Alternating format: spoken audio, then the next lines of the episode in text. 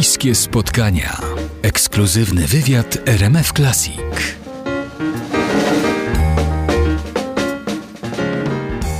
Gitarzysta, kompozytor, lider zespołu WW jest naszym gościem. Pańska przygoda z gitarą zaczęła się jeszcze w szkole podstawowej. Rodzice nie ingerowali w wybór życiowej drogi? No więc właśnie ja, kiedy myślałem o swoich synach, to marzyło mi się, żeby uprawiali zawód artystyczny, obojętnie jaki, ale artystyczny, czy twórczy. Ale z drugiej strony obawiałem się rzeczy najgorszej, moim zdaniem, zostania średnim twórcą. Myślę, że nawet złym twórcą jest lepiej, bo, bo śmieszniej przynajmniej, ale średnim twórcą, czyli no nie, nie, obrażając nikogo, ale grać drugie skrzypce, czy grać ogony w teatrze i tak dalej, tak dalej, to jest coś niezwykle upokarzającego. Na szczęście ich los się potoczył inaczej. Ze mną było tak, że oczywiście rodzice moi wyobrażali sobie, że pójdę drogą mojego brata ciotecznego, czyli literatura, filozofia, a w najlepszym, wymarzonym wypadku zostanę dziennikarzem, ale też moje zainteresowania muzyką nie pozostawiły ich obojętnym i zaprowadzili mnie swojego czasu do Domu Kultury jakiegoś na Chocie, kiedy byłem jeszcze bardzo młodym chłopcem.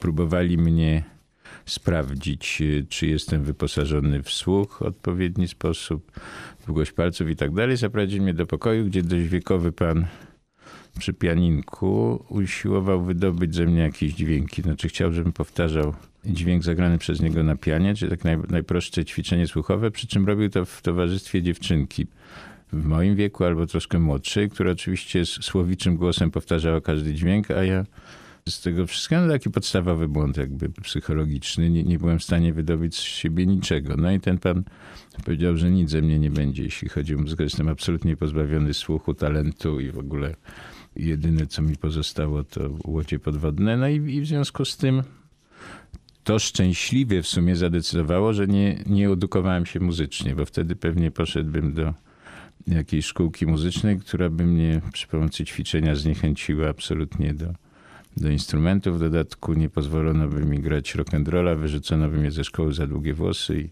skończyłbym jako kapral w jednostce wojsk zmechanizowanych. W każdym razie Mimo to wspomagali mnie mocno, no bo i ojciec mi kupował wtedy, kiedy jeszcze byłem dzieckiem, chyba sześcioletnim i zachorowałem na żółtaczkę w szpitalu. Ojciec mi kupił taką książeczkę, którym, o której często mówię, ale to wybitna książka napisana przez wybitną postać, przez pana Jana Powroźniaka, który był fantastycznym propagatorem gitary i napisał taką książeczkę o śmiesznym tytule, jak Hania na gitarze grać się nauczyła, ale ta książeczka była w stanie w ciągu tygodnia nauczyć naprawdę podstaw grania na gitarze z zapisem nutowym. To było absolutne mistrzostwo świata, więc, więc wspomagali lekko mój talent czy moje zamiłowania muzyczne, jednocześnie wierząc, że i tak nic z tego nie będzie.